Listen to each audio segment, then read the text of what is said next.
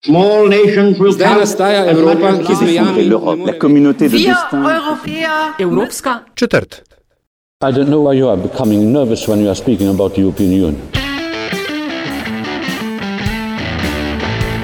Spoštovane in cenjeni, dobrodošli v podkastu Evropska četrt, podkastu o vsem, kar vas bo zanimalo o Evropski uniji, pa niste vedeli, koga vprašati. Evropska četrt vodiva Aljaš Pengov Bitenc, Radio Chaos. in Nataša Briški, Metina Lista. Podcast domujem na spletni postaji metinalista.sim, v vašem nabiralniku pa sveža epizoda, takoj ko je spečena in pripravljena za konzumacijo. V tokratni epizodi govorimo o evropskem nevronskem prevajalniku, tehničnem presežku, zmaju, ki ga med drugim jahajo tudi slovenske prevajalske ninja v evropskih institucijah in ki bi ga lahko brezplačno upregli tudi v Sloveniji, če bi se le malo pozanimali. At the start, it was just a few statistical engines built by hobbyists, actually, within translator hobbyists, um, with their own computers in their own home. And it has grown into being a European project which aims to break down language barriers within Europe in general based on technology, based on these uh, translation uh, technology tools, and based on human translations done in the European institutions. I am Daniel Prou. I am business manager for machine translation at Daniel Prov je eden ključnih ljudi pri projektu strojnega prevajanja e-translation. Je namreč vezni člen med razvijalci orodij strojnega prevajanja in njihovimi uporabniki. In leto dni bo tega, kar nam je v 12. epizodi Evropske četrti Walter Maurič, ki načeluje vsem prevajalskim službam Evropskega parlamenta, povedal, da so evropske institucije v zgodnji fazi testiranja nevronskega prevajalnika. No, danes je storitev v polnem pogonu, naj gost pa jo je predstavil na nedavnem srečanju prevajalcev v organizaciji slovenskega oddelka Generalnega direktorata Evropske komisije za prevajanje v Ljubljani. Uh, uh, translation technology works, and this is fairly recent and. Especially for uh, Slovene speakers, you may have felt it. The last two years, Google Translate has improved considerably, whereas uh, two, well, three years ago, Google Translate was barely usable for uh, Slovenian users because the translation it would produce was, well, uh, didn't make much sense. Um, for in the last two years, uh, Google has adopted neural engines, and other providers of uh, machine translation have has have adopted this new technology, which is called neural machine translation, which um, based on existing human translations, and this is a very important point to make. It's all based on human um, existing human machine translation databases of human machine translations, is able to produce an output that looks very much like uh, it was something that was written by a human being. And therefore, into Slovene, into other Slavic languages, into other languages like Finnish or German, where machine translation uh, didn't used to work that well, now uh, very often you get very good results. And this is thanks to this new technology. Kar 30 milijonov stavkov so do sedaj v slovenščino prevedli prevajalci evropskih institucij in prav ti milijoni stavkov ter stotine milijonov stavkov v ostalih 23 uradnih jezikih Unije so ključni pri gradnji nevronskega prevajalnika. We can build engines from English into Slovene or from Slovene into English. It can work both ways, which will work uh, very well um, and at probably at a comparable level uh, as Google's uh, engines. With one uh, specific restriction, though, that is that um, these engines they learn from the translation they are being trained with, and therefore, the European institutions, we translate legal text, we translate administrative text, and therefore, what these engines are able to translate are legal text, administrative text. If you're trying to tr- to translate um, a recipe, for instance, or if you're trying to translate, I don't know, a text about extreme sports, it won't work because there are no texts about these topics in the database of human translations that we have uh, at the, in the European institutions. E-translation, kot se tej prevajalski zverini reče, je torej pri svojem delu povsem odvisen od vhodnih podatkov, se pravi prevodov, ki so jih prevajalci Evropske unije naredili doslej, ne glede na to, kako si nevronske tehnologije predstavljajo hollywoodski scenaristi. Neural machine translation relies only on um, the previous existing translations, and this determines the kind of results you get. Um, the quality of the input matters to some extent, but we are not sure why, because quality on itself is very difficult to define. So basically, um, translations in the European institutions are up to a very high standard. So anyway, the quality will be good. What also matters is the amount of text that you have, and here. Um, with 30 million sentences, um, the European Commission, the European institutions have the largest, probably the largest database of, of translation into into Slovenian from English into Slovenian. Google doesn't probably doesn't have that much data because it's nowhere to be found. And um, so the um, quantity and also the quality of just you know the fact that the sentences are perfectly aligned, that uh, the English sentence and the Slovene translation really match one another. What Google does when they build their neural engines is that they uh, very much use um, what they can find on the web, say um, Wikipedia articles that have been translated into Slovenian by some volunteers, stuff like that, and th- they don't have a perfect alignment of the sentences, and therefore the um, the match is not so good, and therefore the engines will suffer as a result. The engine quality will suffer as a result. Dobra novica za prevajalce torej. Ne glede na katastrofične napovedi, pri prevajanju stroji še ne bodo kaj kmalo zamenjali ljudi. Um, there, there's machine translation for, for everyone, uh, for uh, the general public, where use machine translation to get an idea of what the content of, of a text is when it's written in a language that you don't know. So you could try to translate some Chinese into Slovene, and mostly it would work. Mostly you would get some idea, even if it's not perfectly correct, perfectly accurate, you would get some idea of what's in this Chinese text. And that's really the magic of machine translation. You get to access texts that are written um, in a completely undecipherable language for you and free of charge, basically. So it's, it's, it's really a revolution in that regard. But it's not a perfectly accurate translation because neural machine translation is able to, to get some general idea, to provide some general idea of, of what's in the text, but it's not 100% accurate and depending on the, on the text, it can be 90% accurate, it can be 50% accurate. So you have no guarantee that what you translate with neural machine translation is actually correct. On the other hand, there is a use by, uh, machi- by human translators of machine translation, and there it's a completely different use case because the translators obviously knows what is written in the original text. So he is able um, to see whether the translation is correct, is actually correct, and he will use this translation well either to change it a little or to change it not at all if because it happens also that the um, machine translation was perfectly correct to not change it at all but still to check whether it's correct or to rewrite it completely because sometimes machine translation doesn't work at all. Neural machine translation is not in itself able to translate anything. It needs to have examples of similar translated documents um, to be able to produce a good or a perfect result. And there aren't uh, documents uh, already translated. The source of the document, the documents that um, neural engines are fed with, um, don't cover all of uh, human knowledge, all of uh, the, all of the context that uh, you would want a translation to be done with. There will always be new stuff. There will always be new words. There will always be words used in a new context. And this is something the neural engine has no access to because all it can access is previously translated sentences.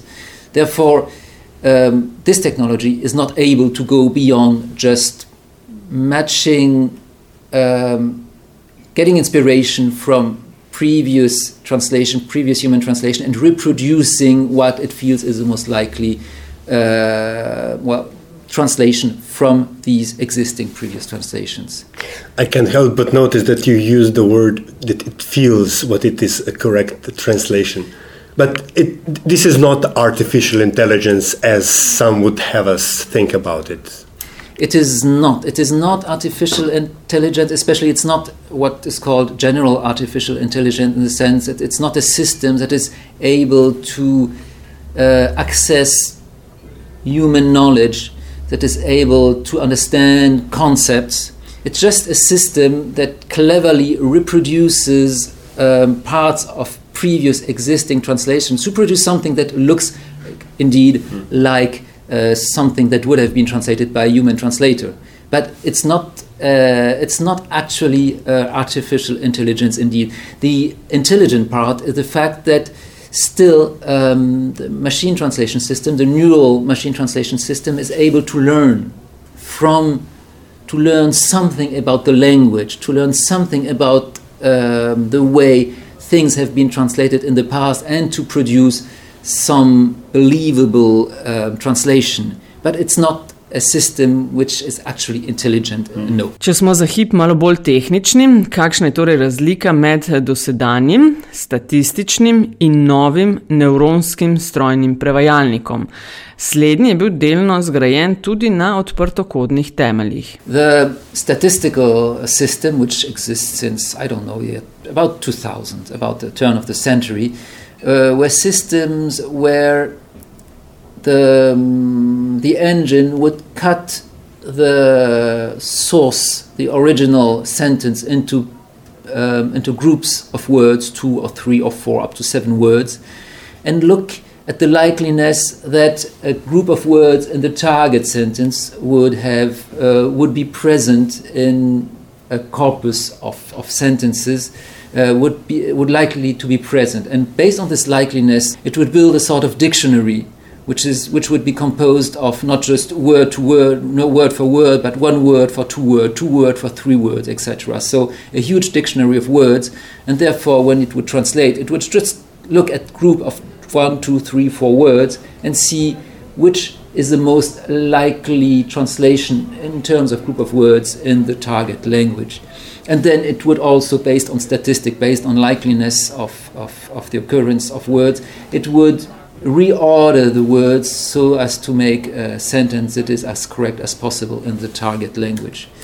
Uh, neural machine translation goes uh, both broader and um, is also able to look at more specific uh, phenomena in the language.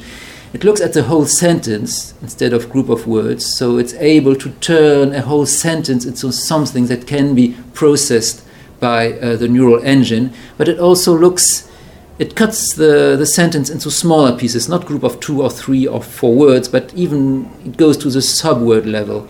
And this allows the system, the neural system, to build sentences that um, uh, that conform to uh, the grammar of the target language um, in the case of uh, Slovenian inflections, for instance. It's able to add the correct word endings and to put the words in the right order because it builds a sentence word after word. There are several um, systems uh, for building neural engines which can be downloaded freely by anyone and which are indeed open source, most of them. Um, the e translation system uses one of them, which works best for uh, the kind of data and the kind of text we translate. So, yes, um, basically there is an open source core uh, to um, to the e-translation engines. There's also um, well all of the database the, um, that is used of human translations. All of it is not freely available, but parts of it can also be downloaded, um, especially all of European legislation can be downloaded. So the database of translation can also be used to build engines, can, can be downloaded by anyone on the internet and can be used to build engines. And that's actually what Google and the others have done. They have used uh, these databases of translations, of human translations done by in the European institutions. And obviously we did too. Um, we had more data to work with because we were able to use some data that we don't want to uh, publish for confidentiality or other reasons. Če ravno je storitev e-translation namenjena predvsem prevajalcem v evropskih institucijah, pa jo lahko uporabljajo tudi zaposleni v javnih upravah držav članic Evropske unije. Tako je tudi prav. Ne nazadnje smo denar za njo prispevali davkoplačevalci in vendar to storitev v Sloveniji uporablja zgolj 53 ljudi v naši državni upravi. Prav ste slišali, 53. The e-translation project has gone from being a, a small in-house project at the start. It was just a few statistical engines built by hobbyists, actually within translator hobbyists, um, with their own computers in their own home, um, using using program they downloaded from the internet and the database of human translations, and it has grown into being a European project which aims to break down language barriers within Europe in general based on technology, based on these uh, translation uh, technology tools, and based on human translations done in the European institutions. So it has increased in scope and it is now available not just to translators in the European institutions or generally to the staff uh, in the European institutions, but also to all uh, public administrations within Europe. We give access to all, your, to all public administration uh, to, to this tool, and they can use it in several ways. There is an interface which is much like Google's, where you just type in the text you want to translate and you get the translation back in a, in a few seconds in any European language. Um, there is an interface where you can submit whole documents and you will get a whole document back in various formats.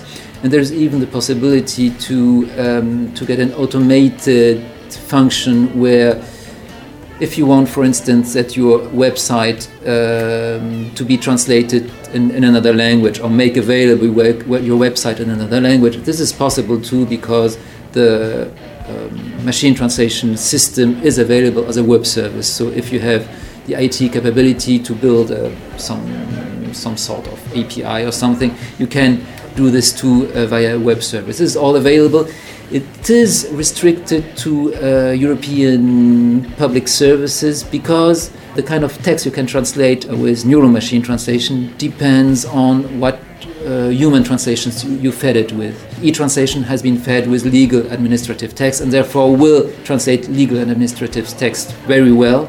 Now, it's not a general purpose engine. You cannot use it to translate um, recipes, or you can, but the results wouldn't be won't be very good. So this is why also it's not uh, uh, an engine that is made available to anyone because it's not uh, it's not what we're doing. But for the needs of public administrations, it's often exactly it, it fits the kind of document they need to translate, and therefore. Uh, yeah, they should try it out. I assume there's a contact page or web address that, or an email that they can uh, uh, get in touch with. Um, there is. I have to. okay, we'll we'll add the link. Uh, okay. okay. Uh, well, um, Daniel Prou, thank you very much. Thank you for all the work you've done and for coming to Ljubljana. Thank you very much. I, I must say, have I enjoy my my stay in Ljubljana very much. It's a very nice. Place. Thank you. And also thank you for being a guest on the podcast. Thank you. Če ste torej zaposleni v državni upravi in še ne uporabljate evropske prevajalske storitve e-translation, Je morda skrajni čas, da to spremenite. Povezavo, na kateri si lahko odprete uporabniški račun, pa zalažem prilagava v zapiskih.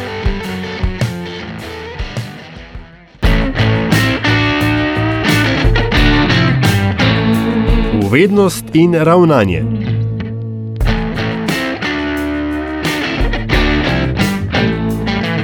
Če ste morali biti zgrešili, ker gre ravno za prvo epizodo v novem letu, Romunija je s 1. januarjem prevzela šestmesečno predsedovanje svetu Evropske unije.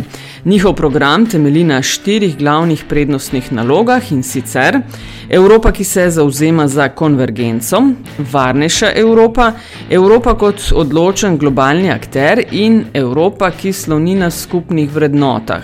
Romunija sploh prvič predseduje svetu, predsedstvo prevzema od Avstrije, po Romuniji pa bosta sledili v drugi polovici leta najprej Finska in na to v začetku prihodnjega leta Hrvaška.